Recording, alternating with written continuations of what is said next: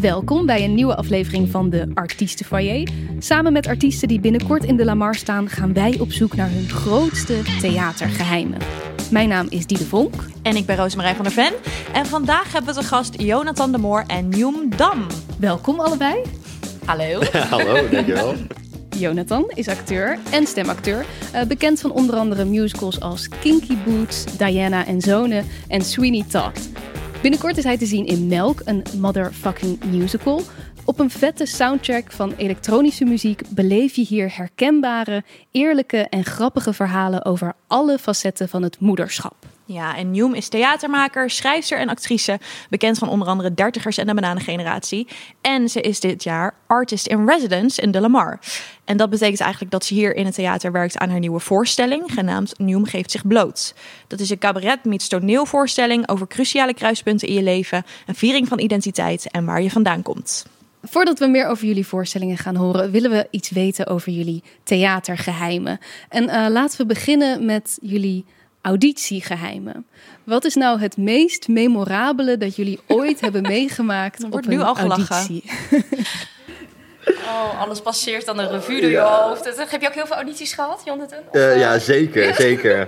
Dus absoluut. En dan blok je dat toch ook meteen. Ja, het is ook, soms is het ook heel- lichtelijk traumatisch eigenlijk ook wel, hè? nou, ja, lichtelijk. ja. Jeetje. Hoeveel audities hebben jullie gehad in je leven, denk je? Als je een grove schatting moet maken? Nou, 20, 25?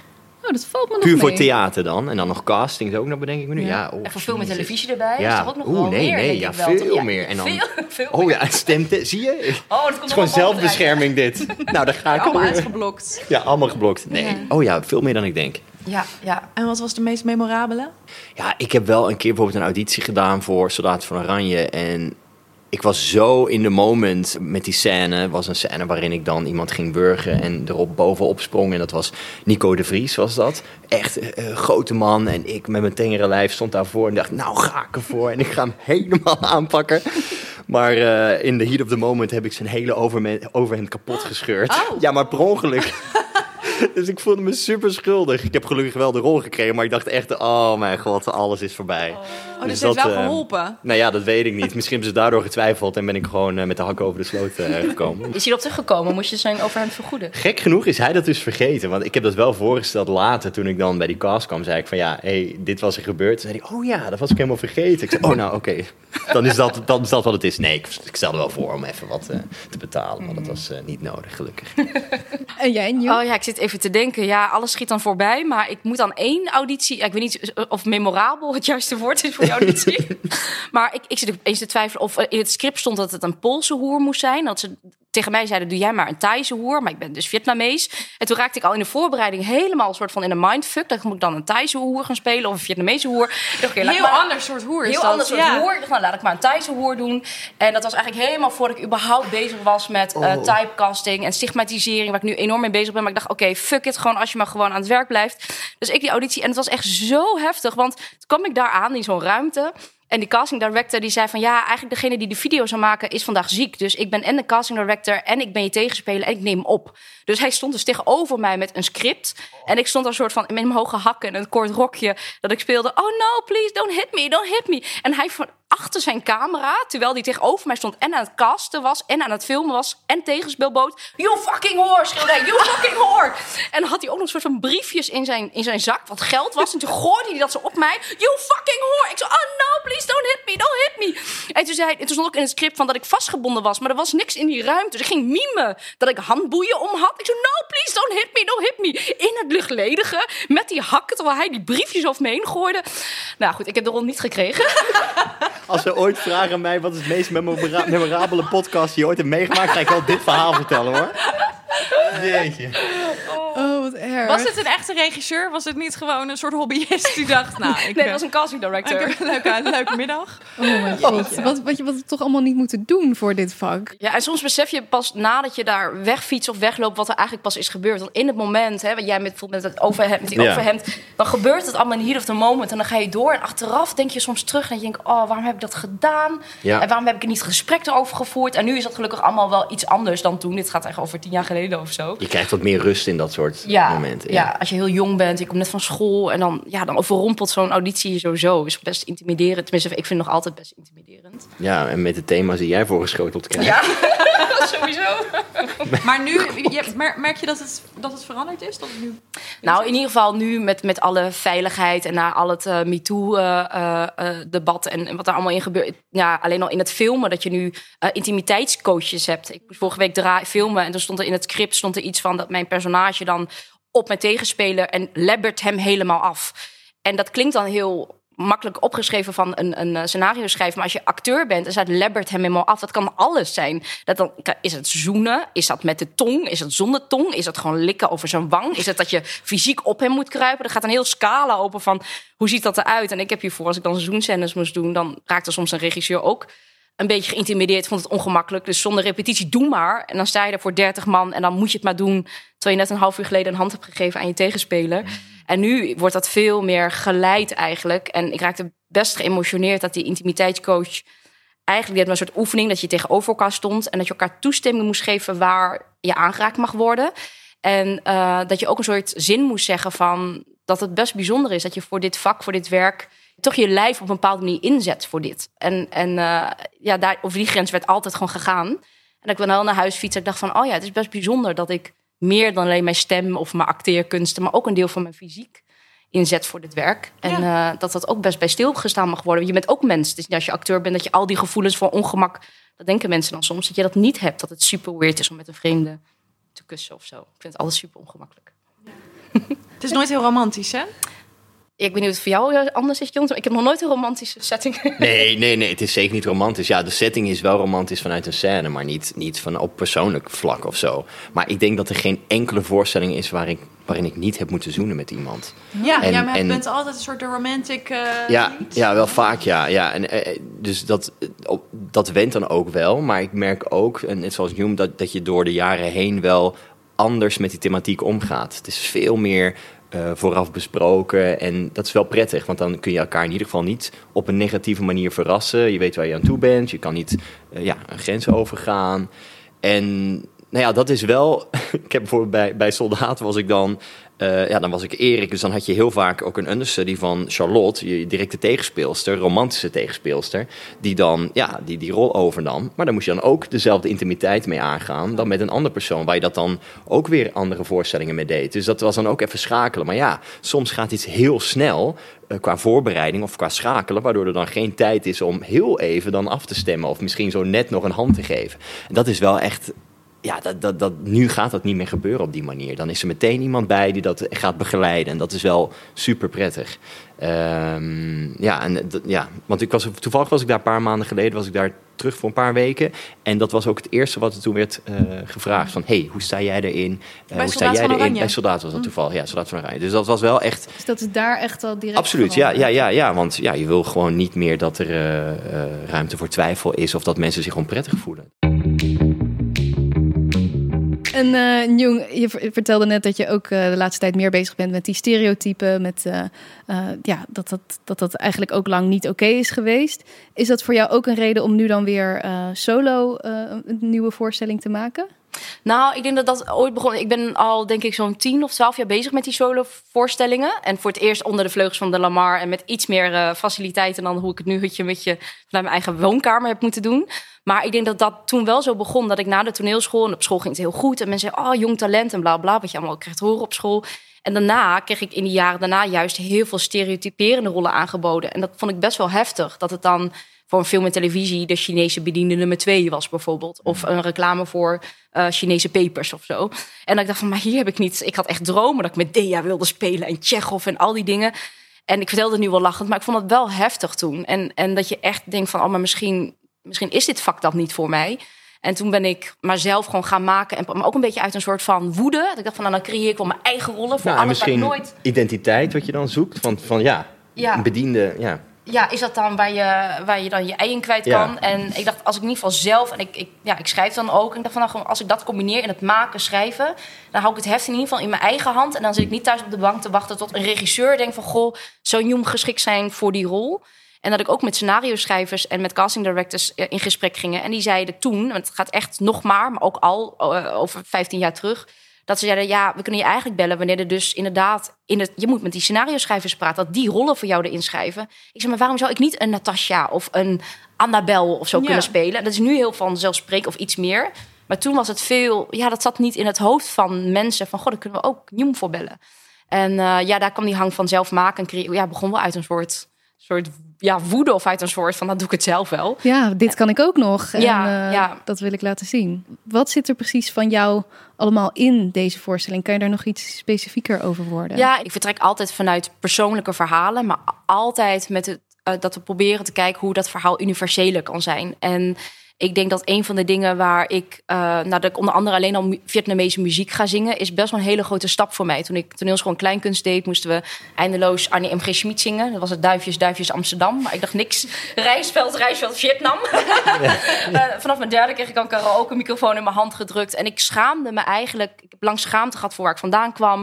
Ik wilde lang dat ik me zo wit mogelijk moest gedragen. Om gewoon überhaupt een voet tussen de deur te krijgen. Een soort audities waar je voor gevraagd werd. En het gaat dan niet alleen over eh, mensen die eh, uit een andere cultuur komen. Over etnische migratie. Maar ook heel over sociale migratie. Dat is iets wat mij zo bezighoudt. Dat naarmate je als van kind naar volwassene steeds meer ontwikkelt. Met elke diploma die je haalt, elke stap die je verder jezelf ontwikkelt, kan het wel eens zijn dat je steeds verder wegraakt van waar je eigenlijk vandaan komt. Of het nou een klein christelijk dorp is, of als het is dat je ouders laaggeletterd zijn, of uit een, eh, nou, in een wereld zitten die totaal helemaal ver weg van het randstedelijke kunstartistieke wereld is. En hoe je eigenlijk daarin een sociale migratie kan doorgaan. En hoe je dan toch verder verwijderd raakt van je identiteit. Maar ergens ook dichter bij jezelf komt. En dat het daarin heel erg gaat over identiteit en de labels die mensen jou opdrukken. Of die je denkt dat je jezelf moet, eh, waar je zelf aan moet voldoen. Eh, maar ik probeer daarin gewoon heel erg een brug te slaan om dichter bij jezelf te komen. En je vertelde net dat je nu dus artist in residence bent bij de Lamar. Misschien moeten we even uitleggen, wat is dat precies? Ja, nou, dat is eigenlijk. eh, ja, dat klinkt heel. Ja, klinkt chic, hè? Wij vinden Nieuw super. Dat is het eigenlijk. Ja, dat is heel raar dat over te Nou ja, het, het ding is dat ik, ik ben al... Ja, in coronatijd heb ik, eh, is de Lamar even in één zomer heel kort even open geweest. Hadden we een zomer, hadden jullie een zomerfestival georganiseerd. En toen belde de Lamar me op van... Goh, eh, kom je ook iets doen hier? Maar ik was gewoon eindeloos aan het wandelen zoals iedereen. Dus ik had hem ingepakt in Gore-Tex en mijn voeten in de modder. Ik was ergens in Ransdorp toen ik een te- telefoontje kreeg. En toen dacht ik, nee, ik heb, geen, eh, ik heb niks. Ik heb geen voorstelling. Ik ben gewoon aan het wandelen. En toen dacht ik, ik heb wel een voorstelling. Ik was zo eindeloos aan het wandelen. Ik was toen mijn liefdesverdriet aan het, eruit aan het wandelen. Heel Nederland was aan het wandelen. En er gebeurde toen zoveel met ons. En toen heb ik als een malle samen met Koos Terpstra, een regisseur waar ik veel mee werk, die ook aan deze voorstelling met mij werkt, hebben we in drie, vier weken een solo eruit geknald. En die werd onverwachts ja, zo goed ontvangen. Dus dat was een soort van ontploft, waardoor ik daarna daarmee op tournee ben gegaan. Ja, en de Lamar heeft mij gebeld van... goh, eigenlijk volgen we jou net wat langer. En volgens mij, ja, eh, in onze ogen verdien je een groter Een groot publiek. podium, ja. Een groter podium. En eh, zijn we eigenlijk om de tafel gaan zitten van... waar zit het er nou in? Ik zei, ja, ik heb al die ideeën en al die dingen. Maar om toch met de grote meter... Kijk, als het publiek een theaterboekje openslaat... weten ze niet dat een Jesus Christ Superstar... misschien wel een tig keer zoveel budget heeft... dan wat ik maak met mijn solo. Maar toch sta je naast elkaar in zo'n boekje. En eh, dus dat is helemaal te gek dat ik een jaar lang ook tegen de Lamar zei: van, als maker moet je maar gewoon pam, pam, pam schrijven, produceren. Dus als maker om ook onderzoek te kunnen doen, met mensen te kunnen praten, eh, dingen uit te vogelen. Dus daar hebben we met de Lamar ja, een plan gemaakt, zodat ik het een jaar lang kan doen. Dus zo, ja, je eh, hebt wat meer tijd gekregen. tijd gekregen, Ja. maar ook mijn fantasieën uitwerken. Zoals ik nu dus basgitaar een beetje ben aan het leren spelen. Want ik ga basgitaar spelen in mijn voorstelling. En dat zingen, wat ik eigenlijk nooit heb gedaan in voorstellingen. Maar ik zing dus ook Vietnamese nummers, waar we rock- en punk- punk-arrangementen op maken. En dat zijn allemaal dingen waar je in de normale tijd gewoon geen, ja, geen tijd voor hebt om dat uit te zoeken. Maar nu hebben we negen nummers gemaakt en geschreven. Maar ik heb bijvoorbeeld ook veel met Rosemarijn te maken. Dat ik ook zei dat je ook als bijvoorbeeld als solist ook een beetje hulp nodig hebt om die zalen vol te trekken. En social, social media en marketing, ik ben er heel slecht in. En hoe doe je dat nou? Kan ik gewoon een beetje meekijken hoe jullie dit hier nou doen in huis? Ja, Dus om zo ben ik- zichtbaarheid te zichtbaarheid. geven. en ik ben heel slecht in. Er zit een soort gêne om dingen over mezelf te posten Oh, ja. en dingen. Oh, hier, oh. Nee, nee, nee, nee, nee, nee, nee, niet van oh, maar meer van oh, dat herken ik. Oh, herken je dat? Ja, ja, ja. je ook je- slecht in eh, jezelf marketen? Ja, en het probleem is, het hoort erbij, weet je. En je hebt mensen om je heen nodig die jou daarin helpen en versterken. En dat gedeelte voor jou, zeg maar, Ja. overnemen. Want anders dan... Je wil bezig leuk, zijn met wat je speelt en wat je doet. In plaats van ja, de zichtbaarheid en al het randwerk. Ja. Maar jullie staan daar wel heel erg voor open. Dat is wel altijd heel leuk. Ja, want- tuurlijk. Even voor de luisteraars thuis, ik en mijn collega Naile, die maken eh, de video's voor de Lamar, dus voor de social media en dat soort dingen. En het verschilt echt heel erg per acteur of iemand het leuk vindt om Oh, ja? daaraan mee te werken, zoals jullie, of dat iemand er echt niks mee kan en alleen maar de- die dan zegt, ja, dan moet ik leuk gaan doen, daar heb ik helemaal geen zin in. En, eh, Oh, dus Maar dit het is verschilt echt de wel- Lamar eh, achtergrond juice. Dus er zijn ook best juice. mensen die ja, daar eh, is dames en willen. heren. Ja, ik heb, het, ik heb het commentaar gekregen van meerdere mensen. Jij had in de eerste aflevering gezegd dat er de Lamar Juice komt. Waar is het? nou, bij deze. Oh, ja. Ja, sommige acteurs die vinden dat helemaal niet leuk. Maar het verschilt wel opnemen. wie het doet. Want ja, wij kennen elkaar nu ook Ja. al een tijdje. En dan voel je je ook wat sneller op je gemak. Dus als er dan een camera bij komt kijken... of er, komt, eh, ja, er komen vragen voorbij waarvan je denkt... woe, spannend. Ja, dan Ja. ben je niet zo heel snel... eh, Je weet een beetje wat je kan verlegen. En dan, ja, dan weet je wat je kan verwachten. Maar ook gewoon, ja, als je de juiste en leuke Ja. mensen om je heen hebt... dan gaat zoiets alweer makkelijker en vanzelf. En heeft het ook met generatie te maken onder acteurs?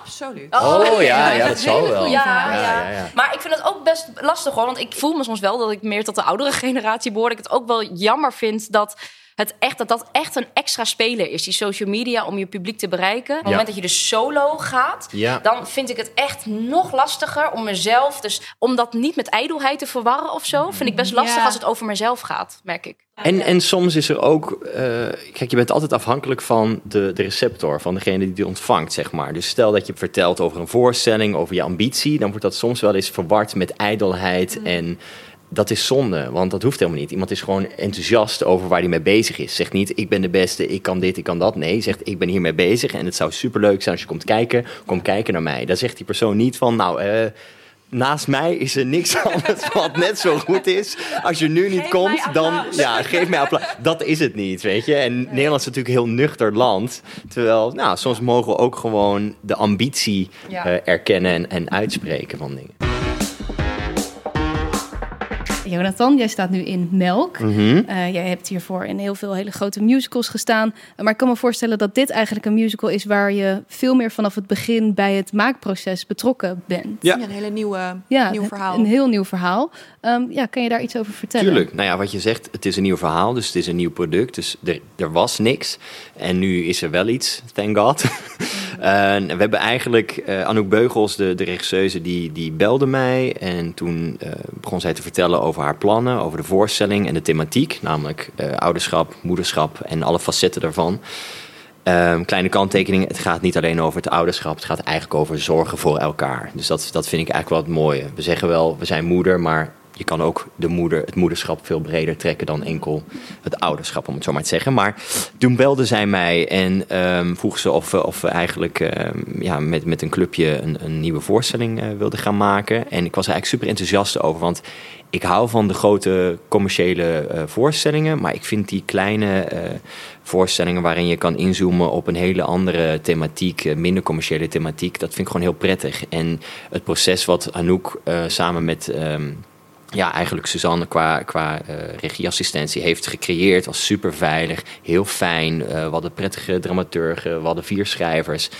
En ehm, ja, dat was gewoon te gek eigenlijk nu. En nu zijn we aan het spelen, we zijn net in première gegaan. En we, hebben een clubje van zeven spelers. En ja, we doen de kleine en de middenzalen. En ben er heel blij mee en, en trots op, eh, op de voorstelling die we hebben gemaakt. En alles is nieuw, dus de teksten zijn nieuw, maar ook de muziek. Het is volledig elektronische muziek. En dat is wel tof, want dat ligt eigenlijk in mijn straatje. Omdat naast het acteren ben ik ook DJ en produce ik iets totaal anders qua genre. Oh. Maar house en tech house, dat soort dingen.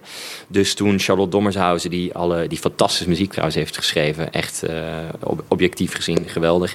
Ehm, dan, eh, ja, toen zij eh, kwam met, met hey, ik, we zoeken nog een nummer. Wil je, wil je eens een keer een opzetje maken? Dacht ik wel, oh ja, dat vind ik wel leuk. Dat opzetje is uiteindelijk het hele lied geworden en zit nu ook in de Dus je voorstelling. hebt eigenlijk ja, een, meegeschreven. ja, ja, één, Ja. één nummer hoor. Wat is je nummer? Dan Eh, het gaat beginnen, heet het. Ja, ja en het, nou, als je dan praat over ijdelheid, ik zing het zelf. Terwijl ik zei ook de hele tijd, jongens, ik hoef het niet per se te zingen. Eh, laat iemand anders doen. Maar eh, nou, het was helemaal prima. Ehm, ja, nou, dus, dus, dus daarin kwamen wel twee werelden samen. Dus dat is wel tof om te merken dat dan zo'n heel maakproces dan... Ja, dat- ja, ik voel me daar gewoon heel gelukkig bij, zeg maar. Want zijn de personages die... Ja, je speelt meerdere Ja. personages, toch? Ja, want het is, geen, het is, geen, het is een mozaïekvoorstelling. Dus het is een concept gegeven. Dat betekent dat, je- dat je geen eh, personage volgt van A naar Z, maar we gaan van scène naar scène. Dus ehm, soms wat hoekig, soms heel eh, ja, eh, glooiend, om het zo maar te zeggen. Maar je gaat eigenlijk mee eh, qua rode draad met de thematiek in plaats van met de personages. Dus ik ben de ene keer ben ik eh, de, de partner van, de andere keer ben ik een partner van, maar dan van iemand anders. Dan weer ben ik weer de zoon van. Dus ja, zo hebben we allemaal onze, onze verschillende personages die we En zijn die op jou geschreven, op jou gebaseerd? Ja, we hebben wel heel veel verhalen van onszelf erin gestopt.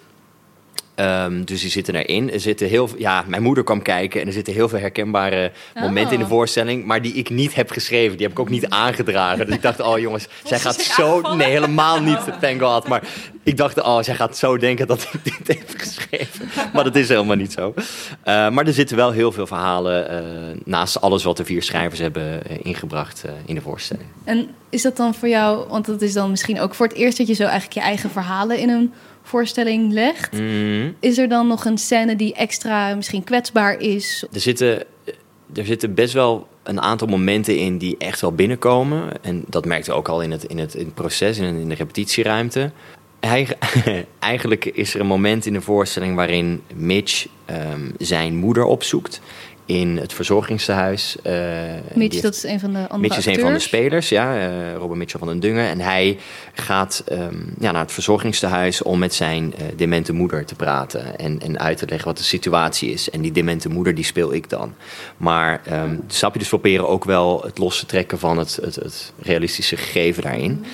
Ja, en dat is gewoon... Kijk, we hebben allemaal wel, wel mensen in onze omgeving... die ehm, nou, daar wel eens op een manier mee te maken hebben gehad. Dus ook al in de repetitieruimte ja, kwam dat gewoon eh, best wel dichtbij. Ik heb geen demente grootmoeders, dat niet. Maar ja, je, je gaat je wel verplaatsen in dat gegeven. Dus dat soort scènes, ja, die, iedere avond als we dat spelen... dan voel je ook in de, in de zaal een soort... dat, dat het gaat ja, landen en dat het wel adem gaat krijgen. Maar dat ze... Ja, het, het, is gewoon, het komt heel dichtbij voor heel veel mensen. En ik vind dat en een gekke scène om te spelen, maar ook een hele mooie scène om in die kale ruimte, want dat is toch altijd een repetitieruimte, eh, te ontdekken of zo. Ja, ik vraag me dat ook altijd af. Dat zou jij misschien ook wel herkennen, Jom. Van die meer eh, van die scènes waar echt heel publiek over om zit te huilen. Hebben jullie dat dan ook in de repetitieruimte? Als je dat voor het eerst speelt of als iets voor jullie dichtbij komt, hoe, hoe werkt dat dan als dat je vak is? Ja, ik, ik, ik, ik vind dat zelf hele dankbare momenten. eh, als je als speler zelf ook. En eh, op de leer je heel snel wanneer iets part, particulier is. Particuliere emoties, dat is dan weer iets anders. Hè. Dat, dat noemen ze dan zo wanneer je echt voelt dat je een soort van zwelgt in je eigen emoties. Of wat, wat is het sentimenteel. Maar soms voel je wel bijna als muziek dat soort van in je lijf iets raakt, iets trilt. Dat je voelt, dit, dit is echt, dit is, we raken hier iets. Dit klopt gewoon qua emoties. En het is En- niet alleen van mij, Van maar... mij. Ja, dit is gewoon universele. Dat kan je bijna best snel. Tenminste, ik herken dat best snel. En dat, dat- ik heb een vergelijkbaar. Ik ben nog heel eh, diep in het maakproces. Dus dat is mijn proces in week drie. We zijn echt aan het maken. Dus de nummers zijn klaar, maar we zijn nu die tekst aan het maken. En nu klikte afgelopen week een scène en een nummer zo bij elkaar. Omdat net die combinatie van die scène en die nummer, dat nummer, wat we dan achter elkaar deden. En toen voelde ik dat en die regisseur, nou, Koos, nou, dat is wel een markante regisseur, maar die riep op een gegeven moment toen we die eerste noot inzetten, toen riep hij echt fuck jou, jong, fuck jou, omdat hij gewoon omdat hij vol aan het lopen was en hij wilde dat niet. En ik zag links in mijn ooghoek dat mijn muzikant, Erik van der Horst, echt de gekke gast die echt gewoon eh, samen met mij die eh, muziek heeft gemaakt en echt ook echt begon vol. En ik merkte ook dat er iets in mij gebeurde. En toch dat we we gaan het niet stopzetten. We gaan gewoon hier doorheen. We gaan het nummer zingen. We gaan het spelen. En omdat ik zo voelde van dit is volgens mij alles wat ik op dit moment als maker, als mens, als vrouw wil zeggen. En dat kwam zo voem eruit. En er was geen publiek, er was niemand. Maar dat is echt even magie wat er gebeurt. En dan is het maar inderdaad hopen dat dat in de zaal... Ja, dan moet je die transformatie maken naar dat dit ook in de zaal gebeurt. En als het avond en avond dat je toch bij dat gevoel even kan komen... dan is dat wel waar theater voor mij over gaat. Dat je samen kan voelen en dat moment kan meemaken. En die ontdekking is het vetste, Ja. vind ik. Als je dat, wat jij dan nu beschrijft, dat eerste moment dat dat gebeurt, dat dat bij mensen binnenkomt, maar dat je daar zelf gewoon getuige van bent, want jij doet dat met anderen of in je eentje dan in jouw geval, dat is zo, dat vind ik echt magisch. Ja. Ik wil heel graag even naar jullie blunders. Hebben jullie wel eens iets eh, meegemaakt op het toneel of er net naast wat helemaal misging? Ik kijk naar jou, want jij, jij bent aan het lachen. Dus jij, dus misschien Ja, ik ben best eh, er als, als mens eh, probeer ik heel char- eh, als vrouw een soort van charmant en zo over te komen. Maar ik ben heel klunzig. ik struikel altijd overal over. Ik laat altijd alles vallen. ik raak alles kwijt. ik verslik me op de. Ja. Voilà. Eh, ik, ik moet denken aan toen ik stage liep eh, bij het Amsterdamse Bos. Elke zomer heb je daar zo'n stuk in het buiten openluchttheater. En dan speel je knetterveel vijf, zes keer per week. En eh, voor de musicalwereld was het mij normaal vijf, zes keer per week. Ja. Is weinig. Is weinig.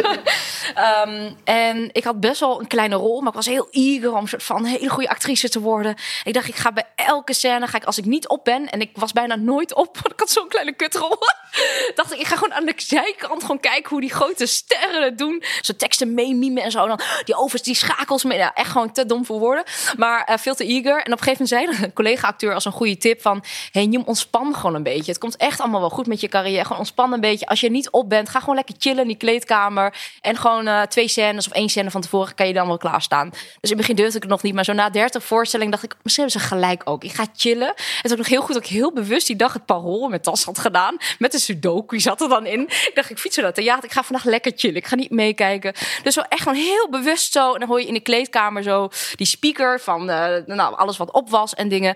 Dus ik trek die, die krant open en ik pak zo die pen erbij. Ik dacht, oh, ik voelde me heel stoer. Alsof ik zo aan het spijbelen was. Dat ik niet soort van als een student zo aan die zijkant stond. Dus lekker sudoku. En ik raakte dus helemaal in die sudoku. Dat ik hem wilde oplossen. Dat ik helemaal vergeten was. Dat ik dus eigenlijk nog dadelijk op moest. En terwijl ik zo van met dat ene cijfer bezig was. En ik dacht van, ik heb hem bijna, hoorde ik over de speakers. Dus eh, mijn overgang. Zo de cue waarop ik dus op had moeten komen. En ik zat daar dus echt soort van 20 meter vandaan. Dus ik dacht, nee, nee, nee. Ik had nu op moeten komen. Dus ik wist niet wat ik moest doen. Ik toch maar erheen gerend. Mijn scène was al bezig. Ik dacht, moet ik toch nog maar gewoon soort van op komen rennen? Nee, nee, dat kan ik ook niet doen. Ik dacht, oké, fuck it, fuck it, fuck it. Dus eh, een soort van eh, die voorstelling uitgespeeld.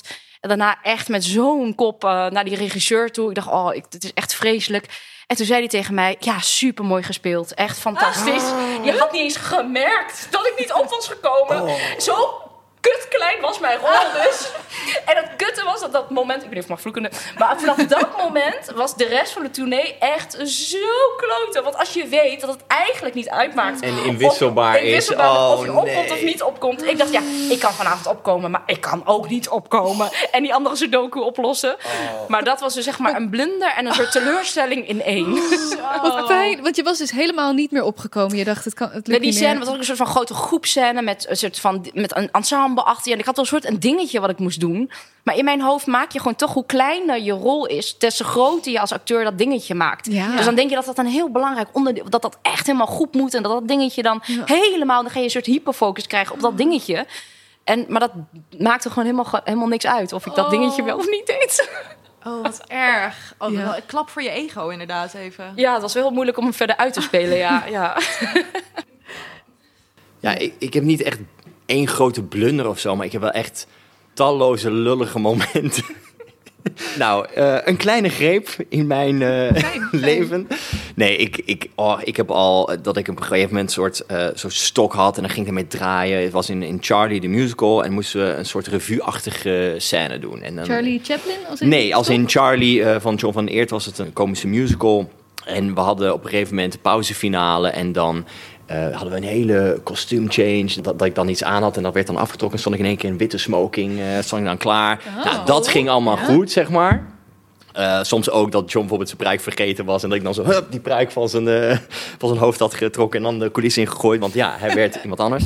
En op dat moment deed hij dan zo'n hele dans. En met zo'n stok. En ik heb er soms een tikkeltje van weg. Dat ik dan toch, ik wil het dan een beetje smooth laten lijken. En ik wil net, net veel mijn best doen. Dus ik ben met die stok aan het zwaaien. En ik doe een pirouette hier. En ik zing dat liedje. En ik speel er zo door. En op een gegeven moment eh, is er een beweging. En ik ga zo met die stok een soort achtje doen. Waardoor het dan een soort cirkeltje lijkt. Zoals, die marionetten. En dan zo wap, wap, wap. Ja, nou heel knap. Dat ding vloog op een gegeven moment echt langs de eerste rij voor iemands neus. Echt wap, de coulissen in. Toen dacht ik, oké, oké, dat moet ik niet meer doen. Nou, dus dat was even echt... En dan schrik je toch, want je, je, je ziet het wel. Je registreert het. Ja, en het, is, het was een vrolijke bedoeling. Dus ik kan ook niet in één keer een soort grimas laten zien van... dit was niet de bedoeling, mensen. Maar, eh, nou, de show must go on. En waar de show ook must go on was... Ah, ik heb ook, ook bij soldaat, ja, ik heb daar drie jaar gezeten, dus ik heb van alles meegemaakt daar. Maar ik heb wel eens gehad dat dan, dan had hij de hele voorzijn gespeeld, de hele oorlog was gewonnen. Hij, eh, Erik Hazelhoff, komt bij zijn motor eh, en moet wegrijden. En eh, ik weet niet of je de voorzijn gezien hebt, maar nou, dat is dat epische moment. Dan rijdt hij weg en dan ja, neemt hij alle, al het verdriet mee, alle eh, heldhaftigheid ook. Nou, die heldhaftigheid was ver te zoeken, want die motor deed het niet. Dus dan sta je daar. Dan, ja, 1103 mensen in de zaal. En dan staat Jonathan de Moor met een kapotte motor. Lege, bak, lege accu. Nou, dan er weer, weer afstappen en naar buiten wandelen. Nou, dat soort lullige dingen. Ja, terwijl, ja, maar ja, maar ja, wat moet je doen? Dat ding gaan duwen, dat ding gaan aantrappen. Ik bedoel, het is zo... Alles was te veel geweest. Alles was te veel. Ja, ja, dat is wel heerlijk. Het Want decor draait door, toch? Gewoon maar wachten totdat je Ja, nou. draait. was het maar zo'n feest. Ja, en ik heb ook op datzelfde... best lang dan. Dat duurt zeker lang. En dat, dat, dat is ook zo. Het duurt echt uren voor je gevoel. Nou ja, goed. En ik heb ook gehad op datzelfde punt dat je dan een jas aantrok. En dan, ja, dan wil je ook, die, net zoals bij die stok, dan wil je dat smooth laten, laten uitzien. En dan trek je die jas aan. Het was een hele mooie leren jas met binnenvoering. Nou, die binnenvoering die zat op een gegeven moment op een bepaalde manier verkeerd. En ik dacht, ja, als ik hem nu weer uittrek, dat doet ook afbreuk aan het moment. Zo door die, door die jas heen getrokken. Dat je zo dan toch lachen. Ja, dat soort stomme dingen. Ik ben tegen decor aangelopen. Ik ben een keer een telefoon vergeten. Terwijl ik de volgende scène een telefoon moest, moest bellen met die smartphone. Dus heel snel van iemand van kostuum. Hup, dat ding afgepakt. En op het toneel oplopen. Hopen dat dat ding ook uitstaat. Dat hij niet aangaat. nou ja, ik, dat soort stomme momenten. Dat, ik heb een keer uit mijn broek gescheurd. Met een première. Ja, en heb je een soort zwarte eh, speelonderbroek heb je dan aan. Boxershort. Die had ik niet aan. Ik had een felblauwe Bjornborg. Dus dat was mega gênant. Oh, ik, ja, nee, ik had wel iets aan. Ik had wel iets aan, ja. Voor de pikante luisteraars. Nee, nee, ik had wel wat aan, ja. Ja, och, het is, het is, het is, ja. Ik vrees ook niet dat het het einde is. Er zullen nog wel heel veel dingen voorbij komen. Ja, of of als je- het spannend. Of als je je tekst kwijtraakt, dan is het niet zozeer een blunder of zo. Maar dat ken je vast ook wel. Dat, ik heb wel eens gehad dat ik een soort monoloog had. En dan wist ik gewoon dat ik...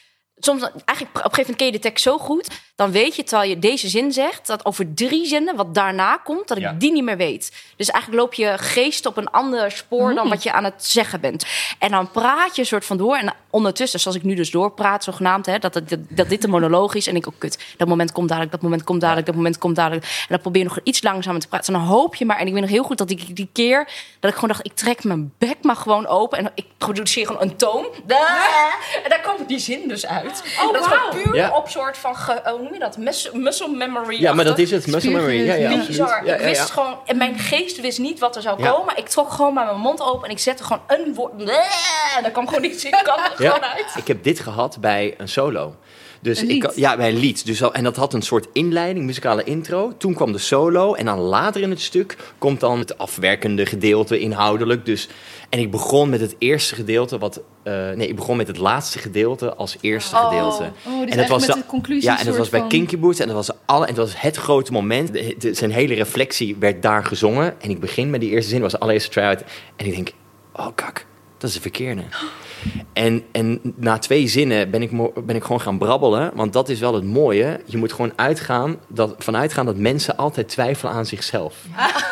Dus je moet gewoon brabbelen. Je moet gewoon, ja, maar ja, het is gewoon zeker, ja, nee, nee, dat. En dan, denken ze, en dan gaan ze toch, ze gaan, gaan nooit denken, hè, wat, wat, hè, volgens mij gaat dit mis. Nee, ze gaan denken, oh, volgens mij heb ik het niet goed verstaan. Ja. Jezus, al die rotte acteurs, weet ik, ze kunnen weer niet, eh, niet verstaanbaar praten. Wat is dat nou weer? Maar dat werkt beter dan dat je niks zegt. Want dan denken ze, dat gaat mis. Je moet altijd iets wauw. doen. Altijd iets doen. Altijd iets doen, zoals een eh. Ja. Of gebrabbel. Het werkt altijd. Wat een goede tips. Hele goede tips. Zijn er nog andere theatergeheimen, publieksreacties, dingen waarvan je zegt dat, dat moet ik toch nog even kwijt? Nou, ik heb wel iets geleerd, wel heel erg. En dat, ik heb er meer last van als ik de solo speel dan eh, met als je heel veel acteurs om je heen hebt. Dan heb je toch elkaar altijd of zo. Dus eh, zeker in die solo heb ik een keer gehad dat op de eerste rij was er een man. En die viel echt al na vijf minuten in slaap. Maar ik moest dus nog Oh. anderhalf uur. En ja, dat was volgens mij zo'n klein of middenzaal waarin echt gewoon. En ik speelde, dat was echt een voorstelling op, de, op het publiek echt speelde. Ik ze vragen stelde en echt soort van. Echt helemaal die vierde wand doorbreken. En ik had daar zo'n last van. En ik heb het gevoel dat ik mezelf niet goed heb kunnen herpakken. En dat ik te veel die hele voorstelling toch wel dat mee heb genomen. Omdat ik hem bijna wilde een soort van straffen. Of dat je hem een soort van wakker wilde. Ja. Dat je toch soort van dat hebt meegenomen. En de afloop kwam hij in de foyer naar me toe. En dat hij helemaal in tranen was. En hij zei... Jouw stem is zo mooi. En die tekst vond ik zo prachtig. Ik heb gewoon mijn ogen dicht gedaan. En ik heb gewoon alles geluisterd. En hij kon echt dingen citeren. Die, en ik heb dus bijna die voorstelling eigenlijk gewoon laten lopen. Voor mijn gevoel.